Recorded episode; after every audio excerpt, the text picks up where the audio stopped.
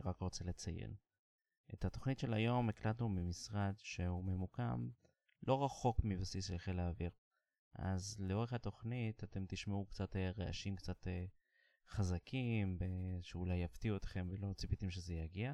אז כנראה זה שהוא מטוס שעבר ובדיוק בא לנחות, אז אני מתנצל על זה, ועכשיו אתם יודעים מה זה הרעש המוזר. ברוכים הבאים לפרק חדש של ארץ עתיקה, הפודקאסט של עולם הארכיאולוגיה, שעוסק בכל מה שעתיק, מעניין וחשוב שיש לנו בארץ.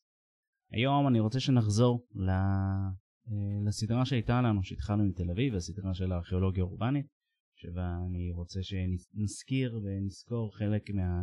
אתרים שיש לנו ליד הבית לכל אחד מאיתנו ולא בהכרח אנחנו מכירים, רואים אותם, הם, שהם חשובים, הם נחפרו, הם קיימים, אבל היום הם או שהם מכוסים או שאנחנו עוברים עליהם כמובנים מאליהם.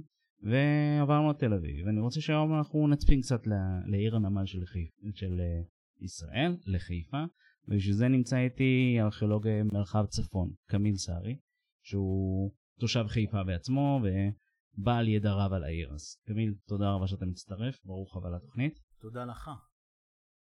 טוב, אז אם כבר מדברים על אה, חיפה, ודי בניגוד למה שראינו בתוכנית על תל אביב, אמנם יש שם כמה רכסי כורכר בטופוגרפיה של העיר, העיר היא לא בדיוק ישרה כאן בחיפה, אז איזה חיים באמת נראית? מה המצב הטופוגרפי שלה? טוב, אז העיר חיפה באמת שונה אה, מהרבה ערים בארץ, וגם אפשר, אם נשווה אותה לעולם, גם מהרבה ערים בעולם. דווקא בגלל הגיאוגרפיה שלה. למעשה, חיפה עיר שמורכבת מאזור מישור החוף, הים וההר, הר הכרמל. לכן גם אם תסתכל בספרי הגיאוגרפיה או בגוגל, למי שיחפש נקודת גובה, חיפה היא בין הערים הבודדות שיש להן שתי נקודות גובה, אחד על רכס הכרמל ואחד באזור החוף. מבחינה גיאוגרפית, אם מסתכלים על המבנה של הר הכרמל, הר הכרמל נוצר בתקופה שאנחנו קוראים לה הסינומן. זו תקופה שבערך לפני 100 מיליון שנה, והחלקים האחרונים שלו הסתיימו להיווצר לפני 60 מיליון שנה, והוא מורכב מסלע גיר. כשיורדים לאזור מישור החוף, אז רואים שם כמה סוגי קרקע.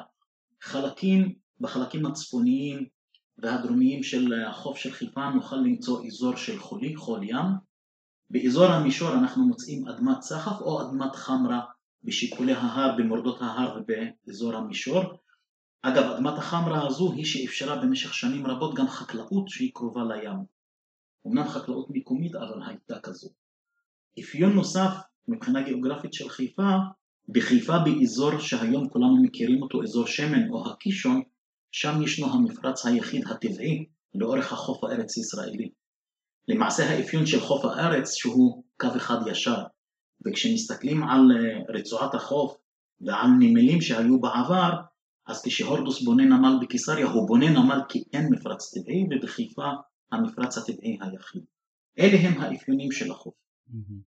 אם תרצה רק אה, לציין דבר אחד, דווקא האפיונים האלה מצד אחד נותנים נוף מרהיב לעיר חיפה ובגלל זה אנשים באים ויש איפה לבלות בה, אגב אגב נוף, השטח הירוק בכרמל הוא פארק הכרמל הטבעי הגדול ביותר שיש לנו. אבל בנוסף לזה, דווקא האזור החולי בלב הים או באזור החוף הוא טוב לנו כארכיאולוגים. תכף נדבר על ארכיאולוגיה.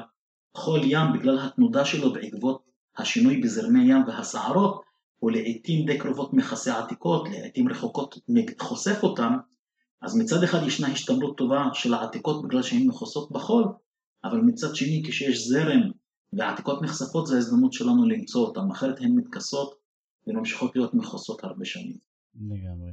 אז אה, עם כאלה אה, שינויים והפרשים בין האזורים השונים בעיר, אז, אה, אז זה דווקא טוב לנו, שנוכל באמת למקד את, ה, את התוכנית הזאת לחלק אחד מהעיר, בתוכניות הבאות אנחנו נעשה על חלקים אחרים, אז בואו נדבר באמת על האזור הקרוב יותר לחוף.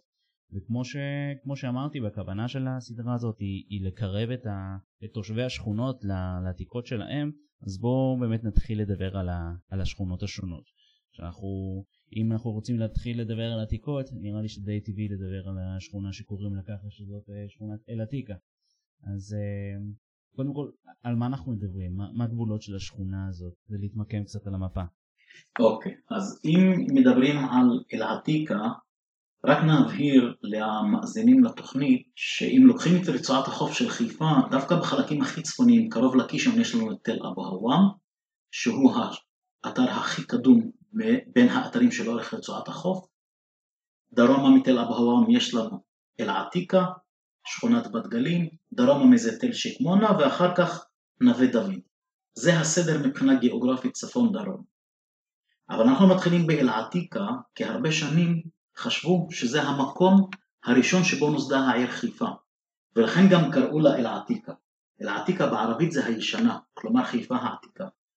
מבחינת גבולות השכונה, אנחנו מדברים על אזור של רחוב יפו היום, מי שמכיר את רחוב יפו שדורות ההגנה, שזה בצד הפחות או יותר הדרומי, דרום אה, מבחינת אזור הים לכיוון מערב, אז יש לנו איפה שנמצא היום בית חולים רמב"ם שכונת בת גלים, וצפונה בית הקברות העתיק היהודי של העיר חיפה. זה פחות או יותר תחום שכונת אל-עתיק. מבחינה ארכיאולוגית אה, אנחנו מכירים בשכונה הזאת בעיקר שרידים מתקופות מאוחרות, אני מדבר על שרידים החל מהתקופה הרומית ועד לביזנטית, אבל במהלך אחת החפירות שבוצעו בבית חולים רמב"ם, בתחומי בית חולים עצמו, נמצאו גם אבני יד מהתקופה הנאולית. תקופה הנאולית, תקופת האבן המאוחרת, אנחנו מדברים על בערך עשרת אלפים שנה לפני זמננו, אבל אלה הם שרידים בודדים של אבני צור, לב ליבו של היישוב הקדום מהתקופה הנאולית לא נמצא עדיין. כלומר ש... קודם כל, אם, אם אין לנו באמת אה, שרידים אה, משמעותיים, אלא יכולים לשער ש... שהיה פה יישוב ואנחנו לא מצאנו אותו, או שזה איזושהי נקודת מעבר? יש עוד משהו בסביבה הקרובה מהתקופה הזאת שאנחנו כן מכירים? קיימות שתי אפשרויות. אחת, שבאמת ישנו יישוב שעדיין לא מצאנו אותו, סביר להניח זו הדעה הרווחת, כי החפרות שבוצעו עד כה נעצרו בשכבות המאוחרות יחסית, אבל בהחלט יכול להיות גם שזה סחף. יכול להיות שכלי הצור האלה נסחפו איכשהו לפני השטח ולכן מצאנו אותם, אני מאמין שבמהלך השנים הקרובות כאשר יבוצעו עוד חפירות נגלה יותר. Mm-hmm. אם רוצים לחזור טיפה אחורה מבחינה ארכיאולוגית ולראות מה בוצע עד כה בחיפה אל עתיקה, למעשה מבחינת המחקר הארכיאולוגי העדויות הראשונות על מה שיש בחיפה אל עתיקה קיימות מהסקרים שנעשו במאה ה-19. כבר אז זוהו מערות הקבורה שרואים אותם היום, אחת מהן מזוהה כמערת קבורה מהתקופה הביזנטית, היום היא סגורה עם מחסום, אבל אפשר להיכנס אליה ולראות את החללים שלה. ישנם ארבעה חללים, וכשאני אומר ארבעה חללים הכוונה היא למעין ארבעה חדרים גדולים, כאשר בקירות של כל חדר כזו ישנם משהו סביב ה-10-11 כוכים, שבכוכים האלה קברו את, אה, את המתים, למעשה שמו אותם בסרקופגים ואת הסרקופגים שמו בתוך הכוכים, וחפירות מסודרות באזור הזה של השכונה שנקראת היום שכונת אל-עתיקה לא נעשו. לא נעשו הרבה שנים. החפירות המסודרות היחידות נעשו דווקא בתחומי שטח בית החולים רמב"ם. בשנת 1998 בוצעה חפירה ארכיאולוגית באזור שכולם מכירים היום, הקניון שנבנה בתוך בית חולים רמב"ם, שם למעשה נחשפו עתיקות מתקופה ביזנטית עד תקופה האסלאמית הקדומה, אנחנו מדברים בעיקר על אמת מים מהתקופה האומאית, מאה שמינית לספירה, ואנחנו מדברים על אגנים אה, מטויחים אה, שהיו בנויים ומטויחים ואנחנו חושבים שבתוך האגנים האלה צבעו בדים או אורות. אה, בחיפה בעת העתיקה ובתקופה הביזנטית התפרסמה בצבעת הבדים והאורות בעיקר אותו צבע ארגמן שהופק מחלזונות ים. צבע ארגמן שהיה צבע מאוד נדיר ובגלל ההפקה המורכבת שלו, צריך הרבה חלזונות כדי להפיק כמות די סבירה, זה היה צבע יקר מאוד. ובתור צבע יקר אנחנו יודעים מהמקורות ההיסטוריים שמי שלבשו בדים בצבע ארגמן היו בעלי מעמד חשוב. דהיינו או שליטים שהם אנשים חלק מהממשל או כהנים. ואם אנחנו מכירים את הממצא הזה ואת ה, את העושר שצריך כדי לצרוך את, ה, את, את הממצא הזה, אמ, אנחנו מכירים את, את שם העיר? איך, איך קראו לאזור הזה? מה השם של חיפה העתיקה? לא, אנחנו לא מכירים. השם אל-עתיקה לשכונה הזאת השתמר במקורות ההיסטוריים, ופעם ראשונה אנחנו שומעים את השם חיפה, זה דווקא במקורות, הצל... במקורות הצלבניים, בימי הביניים.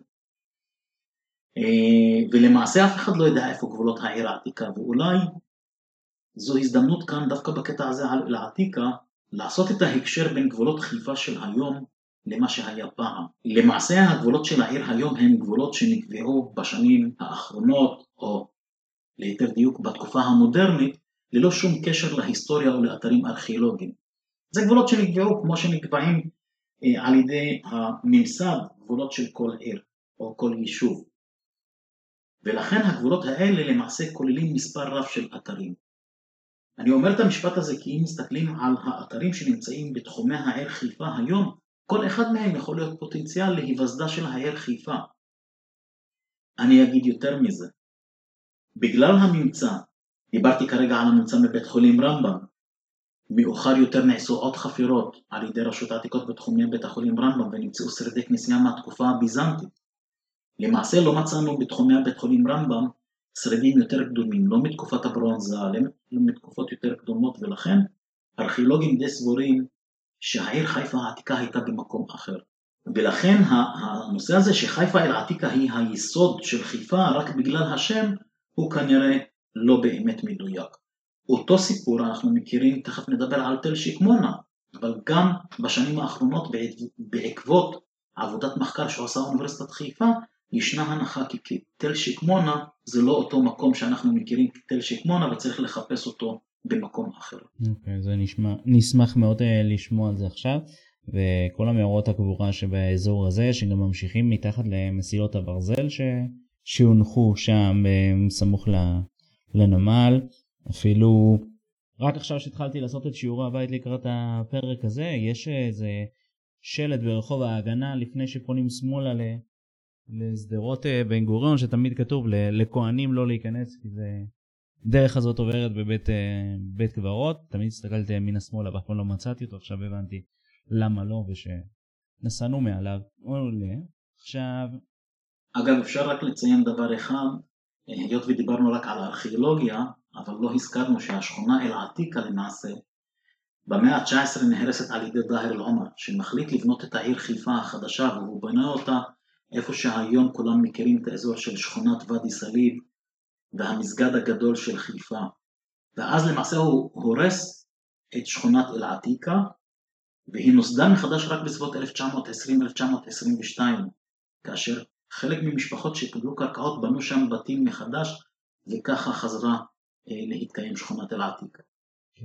וכשאנחנו מדברים על, אה, על עתיקות אנחנו לפעמים אה, הנה כמו שאתה אמרת גם כן תקופות מאוחרות במאה ה-19 ואלה דברים שאומנם לפי חוק העתיקות כמו שכתוב כל מה עתיקה זה מה שבא לפני שנת 1700 פה בתוכנית הזאת מעניין אותנו גם כן מה שבא אחרי בארכיאולוגיה בתוכנית הזאת היא גם כן ההיסטוריה המודרנית קצת יותר. אשמח אה, לדעת גם כן על השכונה של היום, על הפורים של השכונה, על הסמטאות אה, שבה, אה, על האתיקה היומית, היומיומית שלנו היום. אז בדומה, אני לא יודע אם זה להגיד בדומה למה שהיה בתקופתו של דאהר אל-עומר, שהעיר נהרסה, השכונה למעשה, אל-עתיקה נהרסה כדי לבנות חיפה החדשה במקום אחר, תופעה שקורית די היום. היום השכונה הזו ישנה הזנחה די גדולה והיא הולכת וננטשת. עוד, אה, זה מהלך שהתחיל עוד בשנות ה-80, אולי בסוף שנות ה-70. חלק גדול מהבתים בתוך שכונת אל-עתיקה כיום שייכים כמדים למדינה, בניהולה של חברת עמידר. ושנים רבות אה, השכונה לא טופחה ולכן די הרבה אנשים עוזבים את הבתים ועוברים למקומות אחרים. מי שגר היום בשכונת אל-עתיקה זה הגרעין של התושבים המקוריים שאכפת להם מהשכונה והם באמת דבקים בבתים שלהם. אם עושים סיור היום בשכונה אפשר לראות את הכנסייה הקתולית שנבנתה ב-1930 וקצת, 37, 38, אה, כאשר נוסדה מחדש השכונה. יש עדיין חלק מהבתים של השכונה, הבתים באמת היו, אה, אה, עברו מעבר למסילת הרכבת שאנחנו מכירים היום ברחוב יפו, וכיום רואים מהם רק כמה בתים בודדים, משהו כמו עשרים בתים לדעתי, לא יותר מזה.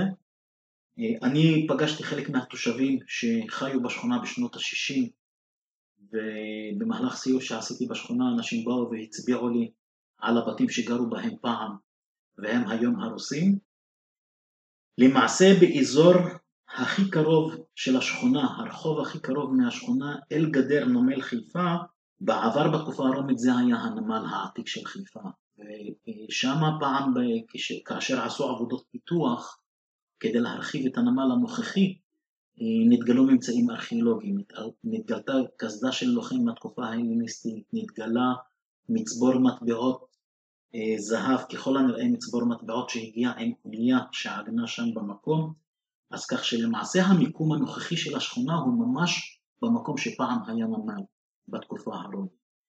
אז אה, מי שרוצה לעשות ציור יכול להתרשם היום מהשכונה משני דברים, גם הכנסייה שנמצאת שם, הכנסייה הקתולית, וגם מהבנייה באבן, אה, הבנייה של בתי האבן שלמעשה נבנו בשנות ה-20 וה-30 כבתים מקירות אבן, אבל זה לא הבתים שאנחנו מכירים היום שבונים בלוק או בטון ומחפים אותו באבן, אלא זה בתי אבן אמיתיים, רוחב של כל אבן בין 30 ל-40 סנטים, כאשר האלמנט היחיד שהוא עשוי בטון מודרני זה הגג של הבתים. זה הסגנון שהיה אז.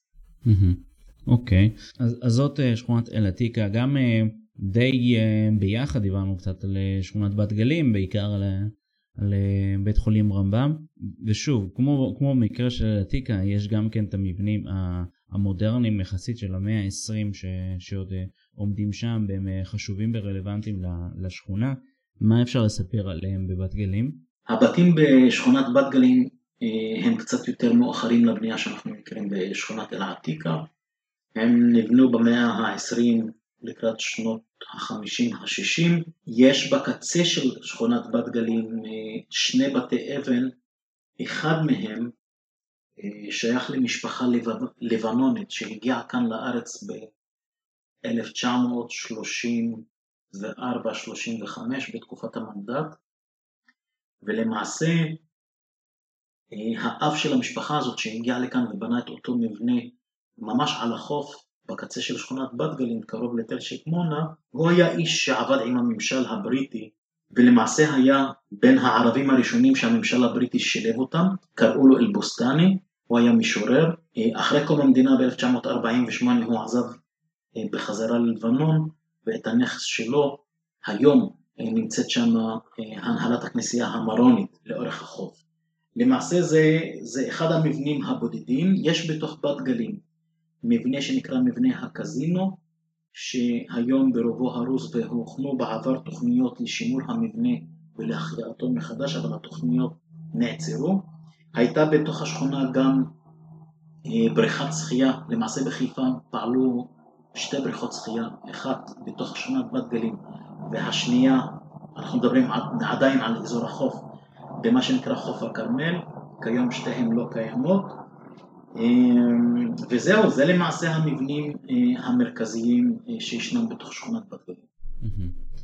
אז אם אנחנו ממשיכים אה, לדרים, תחנה הבאה, כאילו, כאילו אנחנו באמת הרכבת שעוברת היום, אז התחנה הבאה תהיה תל שקמון הגדול ביפה שנמצא שם על החוף. אני מודה שלא ביקרתי בו מעולם. למרות שתמיד אני עובר לידו והיום, היום לא, מחר, מחר אנחנו נעצור. אז uh, כדי לחסוך לי את הנסיעה הזאת, מה יש לנו שם בתל הזה? תל שקמונה, אה, למעשה אנחנו לא יודעים בוודאות להגיד מתי נוסד ועל ידי מי.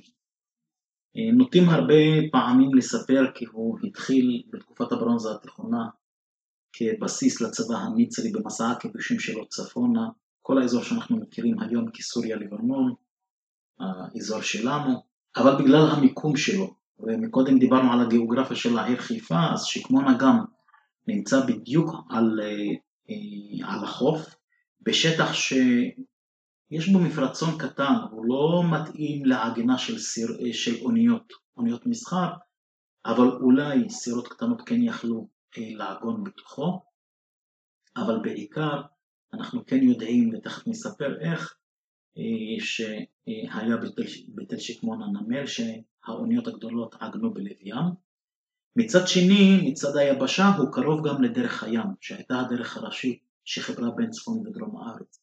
שני המרכיבים האלה, ים מצד אחד, דרך ראשית מהצד השני, מהר מאוד אותו מקום שאנחנו סבורים שאולי היה בסיס צבאי לצבא המצרי, התחיל להתפתח כיישוב.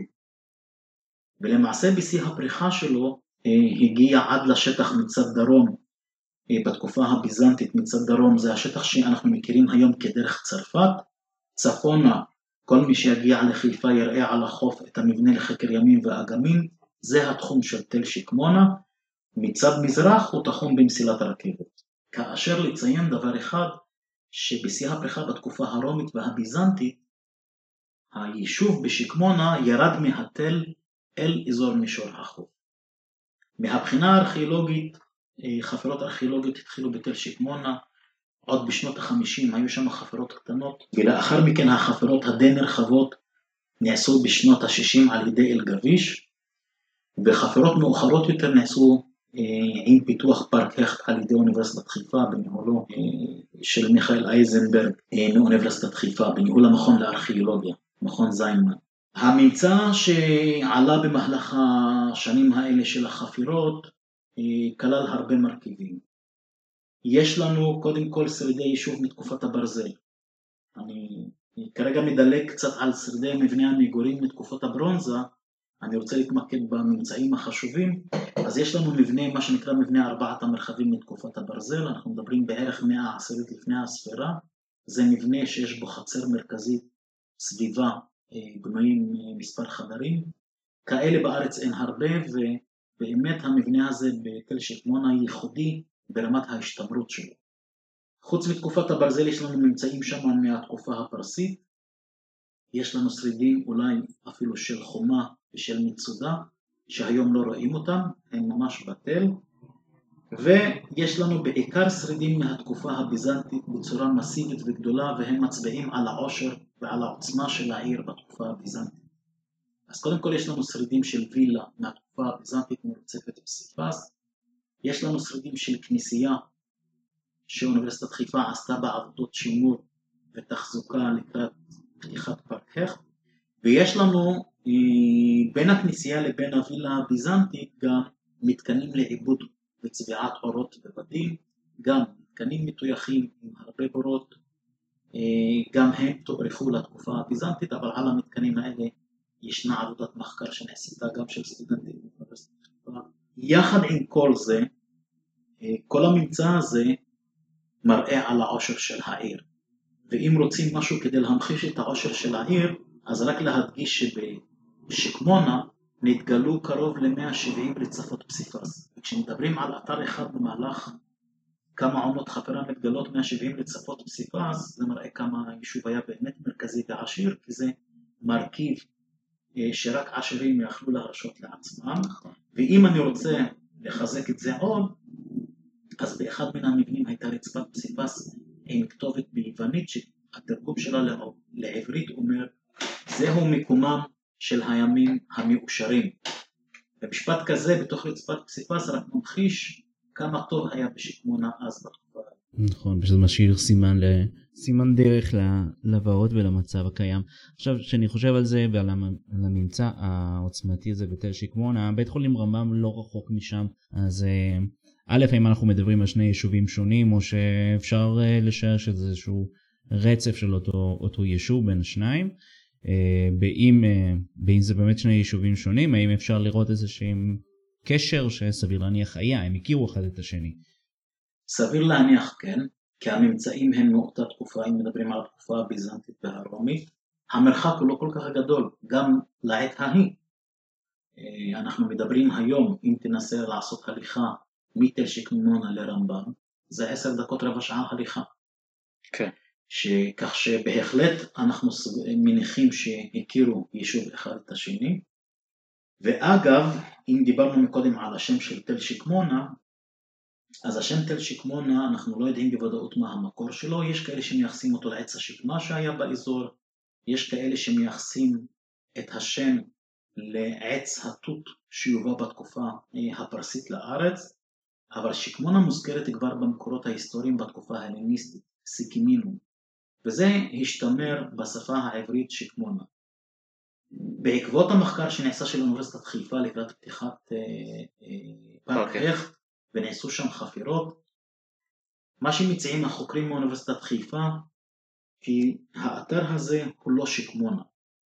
בגלל הממצא, מרוב הממצא שם מתל שקמונה של היום הוא ממצא נוצרי, כנסיות ועוד, לכן הם מציעים לזהות את המקום עם העיר פורפיריון. פורפיריון עיר נוצרית שהוזכרה במקורות הצלבנים שקיימת בחוף חיפה, עיר נוצרית ולכן מציעים לזהות אותה במקום שהידוע היום תל שקמונה ואת שקמונה צריך לחפש במקום אחר. כן, תל שקמונה באמת אה, כמו, ש, כמו שאמרת היא צמודה לפארק הכט ואפשר לבקר וגם הממצא הרבה מאוד מן הממצא שיצא משם זה רק לחצות את הכביש ולראות את זה במוזיאון הימי אה, זה מוצג שם אז אפשר אה, לראות אותה, גם שקמונה, גם מקומות אחרים מהעיר. זה, זה ביקור מאוד מעניין. ואנחנו ממשיכים uh, להדרים uh, עוד קצת, אז התחנה הבאה תהיה uh, נווה דוד. לפני שנדרים, רק להשלים משפט אחד אם סיימנו לדבר על שקמונה, ששקמונה נהרסה סופית ברעידת אדמה שהייתה 749. בתקופה המוסלמית היישוב בתל שקמונה לא חודש, ובחפירות שעשתה רשות העתיקות בתחילת שנות התשעים נתגלו אפילו סימנים שמעידים על רעידת האדמה במקום, כך ששיא הפריחה היה בתקופה הביזנטית, במאה השמינית העיר נחרבת ומאז היא לא ישבה שנית. אוקיי, okay, מעולה. אז כמו, ש, כמו שאמרנו, תחנה הבאה שהיא, שהיא מעניינת אה, גם כן בגלל העניין הטופוגרפי והחיבור שלו בין החלק העילי של, של העיר המודרנית וה, והקרוב לים זה באמת אה, נווה דוד. ובנווה דוד יש לו אה, במרכז, במרכז שלו את אה, נחל שיח, שיש שם אה, פעילות מאוד מעניינת וענפה במהלך, לאורך הנחל הזה. אז מהם התחנות במרכאות שאפשר לראות שם ומה מאפיין אותם? בנווה דוד יש מספר אתרים.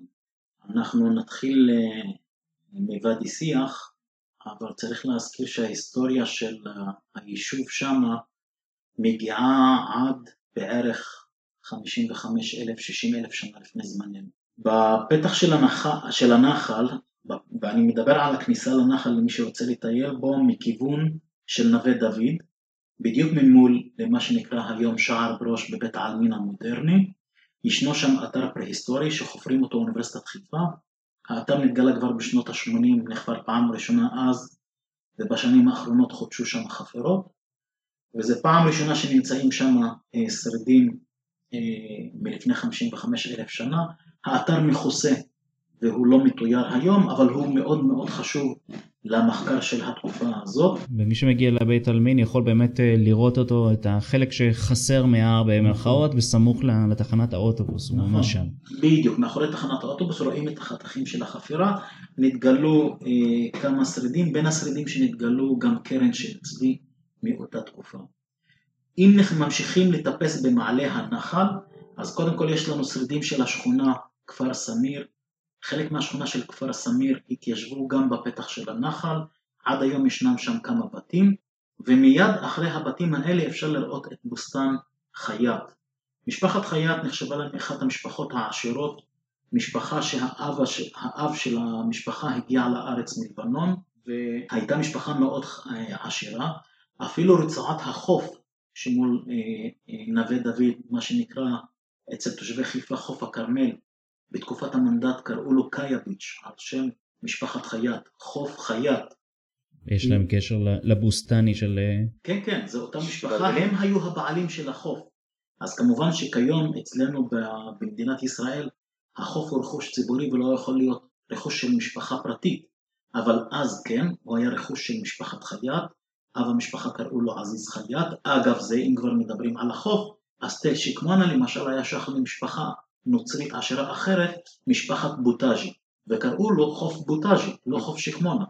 החוף שקמונה הוא חוף, אה, אה, השם הוא מודרני. אז קודם כל אפשר לראות את אה, הבוסתן של משפחת חייט, שהוא היה למעשה בוסתן שטיפחה אותו המשפחה, משפחת חייט, יחד עם מבנה בית קיץ, שם נפשו בקיץ בוסתן מאוד מרשים שאיכשהו בשנות ה-70 נמכר לעיריית חיפה והבוסתן הזה היו הרבה תוכניות שימור לגביו אבל הם לא בוצעו מעולם. ולכן ישנה היום עמותה של אדריכלים שאכפת להם משימור העיר חיפה שהעמותה הזאת מטפלת בבוסתן. אפשר לעצור בו, לראות, להתרשם מהבוסתן עצמו, מהעצים שיש בו, אבל יש גם אמת מים, תעלה למעשה שמביאה מים מנביעה די טבעית ונכנסת לתוך הבוסתן, ואם ממשיכים לטפס מעלה אה, במעלה ההר אחרי הבוסתן, אז יש לנו את המנזר והכנסייה של מסדר הכרמליטים.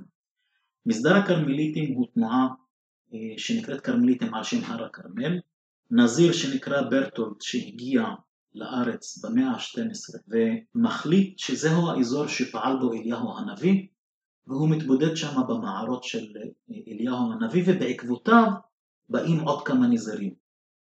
ולאחר שהקבוצה הזו של הנזירים גדלה, יש מעל עשרה נזירים, הפטריארך בירושלים אה, אה, מכיר בתנועה הזאת כתנועה רשמית, הם קוראים לעצמם התנועה הכרמליטית, ובהתחלה הם התיישבו בתוך המערות שאפשר לראות אותם עד היום, אחת מהן מערה מאוד יפה שיש בה שני מפלסים, נכנסים למפלס התחתון ואז בפנים ישנן מדרגות חצובות שעולות למפלס העליון ובמפלס העליון המערה פתוחה עם איזושהי מרפסת שמשקיפה על כל הנחל ולקראת סוף מאה ה-12 מתחיל מפעל הבנייה של הכנסייה והמנזר אה, בנחל. בדיוק מאחורי הכנסייה ישנה נביעה של מים שממנה נחצבה תעלה ובחלקה גם בנויה שהביאה מים גם לכנסייה וגם למנזר, אבל גם המים האלה נוצלו לזרום אחר כך דרך הנחל נחל שיח ובכוח הנאה שלהם כנראה עבדה שם גם תחנת קמח. היום שרידי המנזר אה, לא פתוחים עדיין לקהל כי הם באמת מוזנחים ומחייבים עבודות שימור. ישנה תוכנית שימור של המנזר שהונחה על ידי הנהלת הכנסייה. שנה שעברה ב-2021 התחילו קודם כל בבניית טרסות על מערי מדרון ההר, כי היום כל המים הזורמים בגשמים מהר הכרמל יורדים אל הכנסייה וישר עושים נזק לאתר הארכיאולוגי, אז קודם כל נבנו טרסות כדי למנוע את זרימת המים, ובשנה הקרובה יתחילו עבודות שימור, כך שאנחנו מקווים שבשנים הקרובות אפשר לפתוח את האתר הזה גם למבקרים. מעולה. עכשיו, בנוגע לכרמליטים במערת אליהו הנביא, יש את, אה, יש את המערות האלה שבהם הם, אה, הם חיו ושם הם, אה, הם התחילו את הדרך, ויש את מערת אליהו הנביא שנמצאת מעל גשר אלנבי, שזה טיפה צפונה מנחל שיח. זה... על איזו מערה הם הסתכלו, הם דיברו, זה עניין של פולקלור מקומי או, או מה קרה שם? הפעילות של אליהו הנביא לא נסגרה במערה אחת מבחינת המסורת. אוקיי. Okay. וכשהנזיר ברטולד מגיע במאה ה-12 הוא מזהה שאזור ואדי שיח הוא אזור שפעל בו אליהו הנביא ולכן הוא מתיישב שם. אבל אין שם מערה אחת באזור ואדי שיח שהיא הייתה מערה. המערה שאנחנו מכירים מעל אה, רחוב אלנבי היא המערה שמקובלת על שלושת הדתות כמערה שבה פעל וחי אליהו הנביא. מה שקרה שבתקופתו של אליג'זר אה, טבחו בכרמליטים והם אה, אה, עזבו את הארץ וברחו מכאן, ורק במאה ה-16 הם חוזרים ארצה. ובמאה ה-16 שחוזרים ארצה מתחילים לנסות להחיות את הפעילות שלהם בהר הכרמל, אבל הפעם הם לא חוזרים לנחל שיח, אלא חוזרים למקום שאתה ציינת, מעל למערה, מעל לרחוב אלנבי, ולאט לאט שמה אה, מתחילים להיווסד את הפעילות שלהם, לבנות מחדש מנזר וכנסייה, שהיום כולנו מכירים אותה בשם סטלה מאריס, כוכב הים בשפה העברית. אז זו פעילות אה, שנבנתה למעשה בשנים האחרונות, כי גם שם במאה ה-16 שהם חוזרים בתקופה במאה ה-19, 1800 וקצת, אה, מי שהיה אז מושל הגליל מטעם האימפריה העות'מאנית, הורס את המנזר של הכרמליטים שנבנה ומהאבנים שלו בונה איזשהו ארמון קיץ אה, שנקרא ארמון אה, עבדאללה פאשה.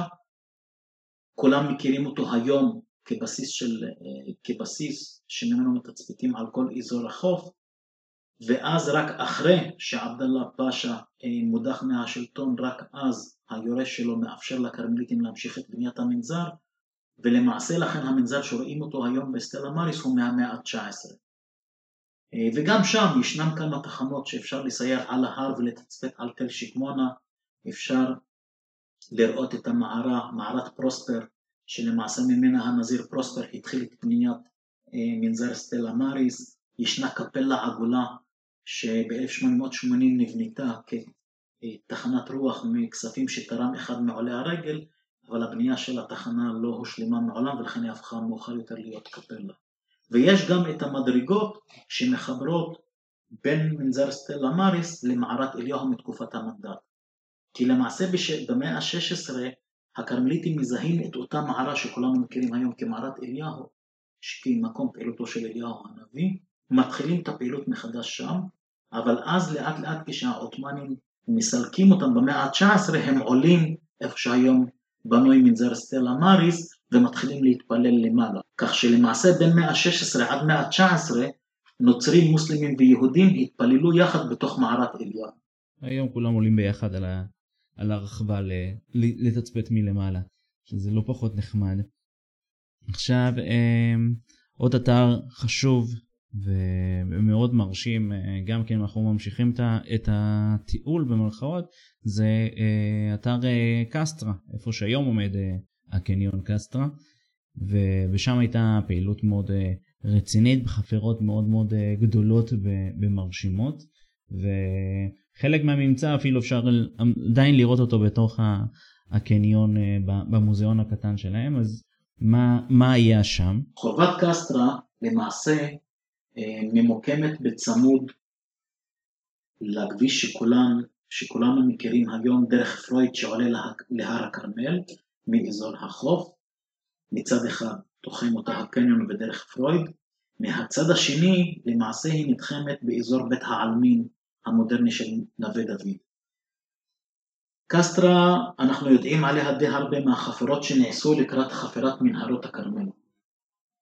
החפירות שם נעשו בתחילת שנות התשעים, ולמעשה מתגלה אתר רב עוצמה שהתקיים בעיקר בתקופה הביזנטית. החפירות האלה גילו קודם כל שרידים של שלוש כנסיות, גילו שרידים של אזור תעשייה מאוד גדול שיש בו כבשנים לתעשיית קרמיקה בין היתר, בתי בד, כיתות, גילו שרידי יישוב וגם מערות קבורה. כלומר, בחפירות של שנות התשעים הצלחנו בקסטרה לחשוף די הרבה, או חלק גדול משרדי היישוב, על כל מרכיביו, החל מבתי המגורים, אזורי תעשייה, פולחן וגם הקברים של האתר. חלק מהממצאים הם רבי עוצמה וחשובים במחקר הארכיאולוגי ולכן התכנון המקורי של אה, אה, מנהרות הכרמל בוטל והם זזו טיפה הצידה בהתאם להנחיות של רשות העתיקות. חלק מהממצאים יקרי הערך, תכשיטים, מטבעות, אפשר לראות היה עד לפני קצת זמן בתוך, אה, בתוך אה, מרכז המסחרי קסטרה, ישנה שם חנות שהציגה את הממצא הארכיאולוגי, וחלק מהממצאים מוצג באכסניית הנוער שהיא ממש צמודה לחורבת קסטרה ואפילו יושבת על חלק מהאתר הארכיאולוגי. נעשה ניסיון אפילו עם חורבת קסטרה לפתח את האתר לרווחת הקהל.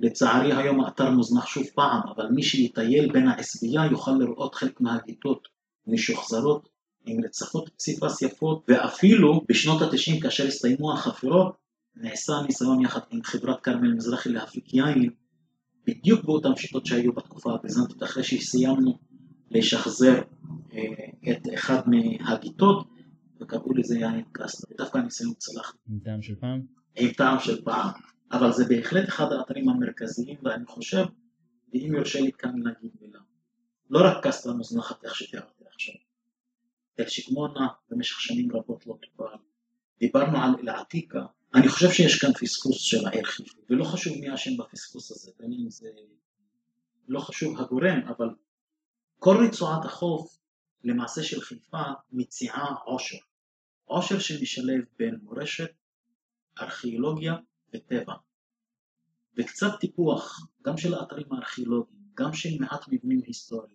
וזה לא משנה אם שחזור מבנה הדואר או הקזינו או בית המוכתר או ש... עבודות שימור של תל שקמונה, כל הדברים האלה, לשלב אותם טיפה עם פעילות חינוכית של בני נוער, ואפשר להרוויח מסלולי תיירות מקסימים בעיר חיפה.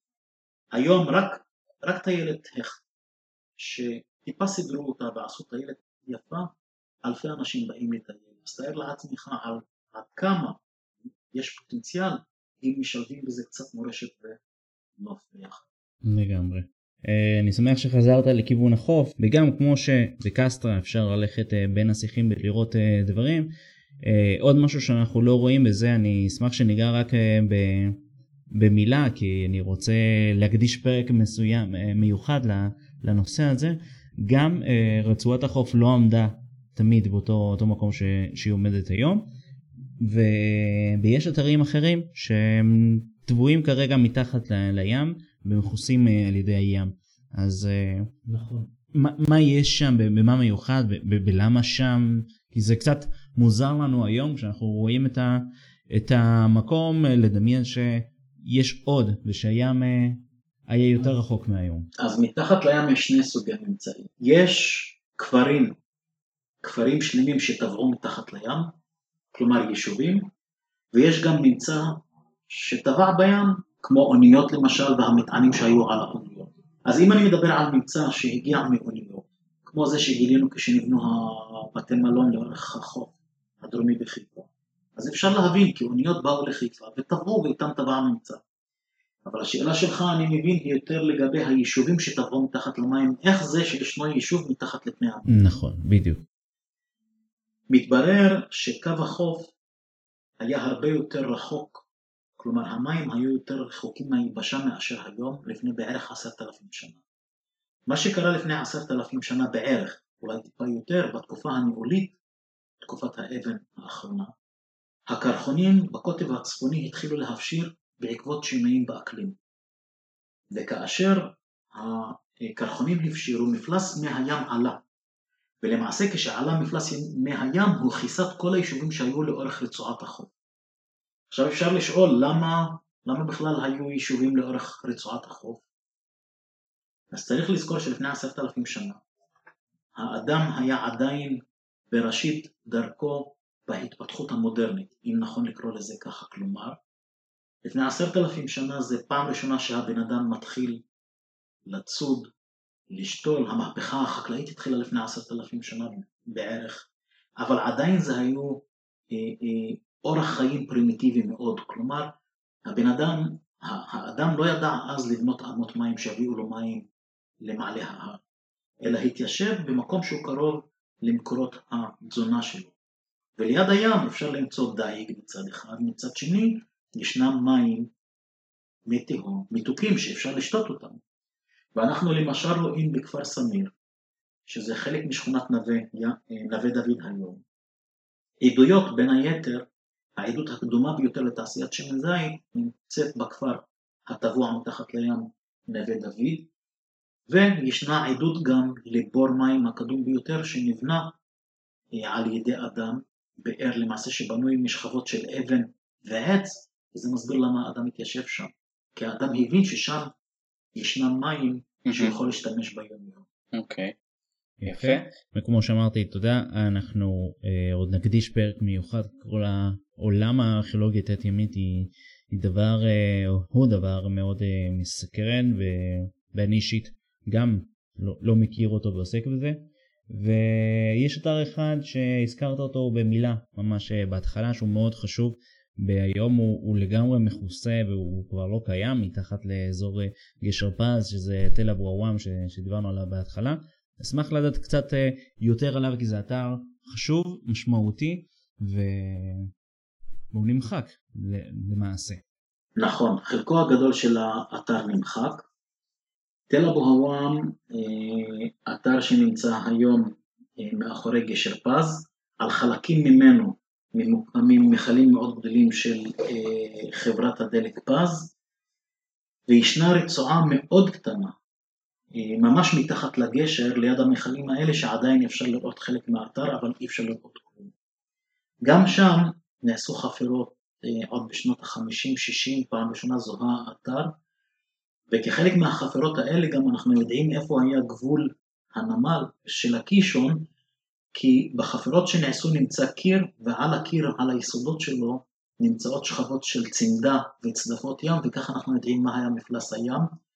כאשר השטח הזה שנחפר כיום, הוא רחוק מהים משהו כמעט אה, שני קילומטר, או קילומטר וחצי. חפירות מרכזיות היו שם אה, בשנות ה-90 על ידי אוניברסיטת חיפה, אה, ונמצאו שרידים למעשה שתחמו את הגבול של האתר מצד היבשה, מצד גשר פז, כי בחפירות האלה של אוניברסיטת חיפה, שהן בדיוק מתחת לגשר המודרני היום, לא נמצא ממצא אדריכלי, אלא נמצא כלי חרס, כלי יבוא שיובאו מקפריסין, וככה אנחנו יודעים איפה נגמר האתר. אנחנו מדברים על יישוב שלמעשה התקיים ליד הנחל הקישון לפני בערך 4,500 שנה לפני זמננו, ובמידה מסוימת אפשר לראות שם תחילתה של חיפה, כי למעשה אם דיברנו על תל שקמונה, לא נמצאו שרידים מהתקופה הזאת. אם מדברים על, נד... על נווה דוד, בנווה דוד דווקא כן נמצאו מערת קבורה מתקופת הברונזה התיכונה אה, ואתרים מהתקופה הזאת, ואפילו הזכרנו גם את האתרים לפני 55 אלף שנה, אבל ככל שהולכים צפונה עם החוף של חיפה, אז תל אבו הוואם הוא האתר הכי קדום שנמצא עד עכשיו. מצוין. אה, יפה. עכשיו, אה, רק כדי לסגור, כי התוכנית הזאת, המטרה שלה היא להביא את, ה, את הידע ואת הארכיאולוגיה לקהל הרחב בצורה שתהיה נוחה ונעימה לצרוך אותה. אני נותן לך במה גם כן אה, לדבר על הפרויקט שלך, שגם בו אתה, אתה מנגיש את הארכיאולוגיה לקהל הרחב דרך הפייסבוק, אז אם תרצה לתת עליו איזושהי מילה, אה, אשמח וזו הבמה.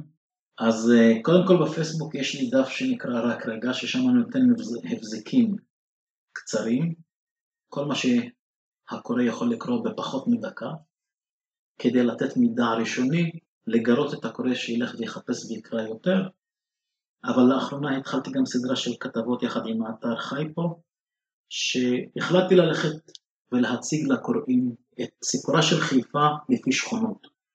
אז פורסמו בחייפו שלוש כתבות, אחת על שכונת אל-עתיקה, בת גלים, ובדרך עוד כתבה אחת תפורסם בקרוב אה, על שכונת עין הים, השכונה השלישית שכבר פורסמה זה נווה דוד, כל מה שדיברתי כאן בקצרה יוכלו להיכנס לכתבות של חייפו ולקרוא את מלוא הכתבה. ובדיוק כמו שעשינו איתך בסדרה הזו של הפודקאסט הזה התחלנו מהחוף. ככה גם הכתבות שלי התחילו מהחוף ואחרי הכתבה על עין הים אני אתחיל להסביר על חיפה והשכונות שלה על ההר. אבל מעבר לזה אנחנו גם אני יחד עם עוד קבוצת פעילים מחיפה מתכננים גם סדרת סיורים סיורי שכונות כדי לספר את סיפורי השכונות בחיפה, עשינו סיור באל-עתיקה, אנחנו באופן קבוע עושים סיורים בשכונת עין הים, ואנחנו נרחיב את הסיורים לעוד שכונות, אז מי שירצה לטעום מחיפה, או שיקרא בחייפו ובאתר שלי בפייסבוק, או שיום אחד יצטרף לאחד הסיורים בשכונות. יפה מאוד, בשמחה. ועם זה אנחנו נסיים את התוכנית של היום, אז תודה רבה שהצטרפת אליי זה היה מאוד מאוד מעניין, עם פתח לעוד שיבואו בהמשך. לכם הקהל המאזינים אני רוצה להודות שהגעתם עד לכאן אה, כמו תמיד וכרגיל דרכי התקשורת עם, עם התוכנית אה, בטוחות בעתיקה פודקאסט שטרודל Gmail com או עתיקה פודקאסט שטרודל ProtonMail com גם כן בדף הפייסבוק או בעמוד האינסטגרם.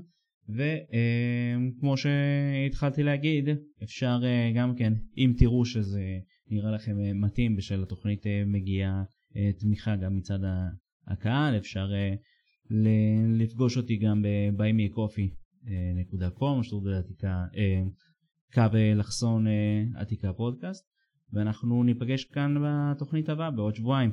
תודה רבה.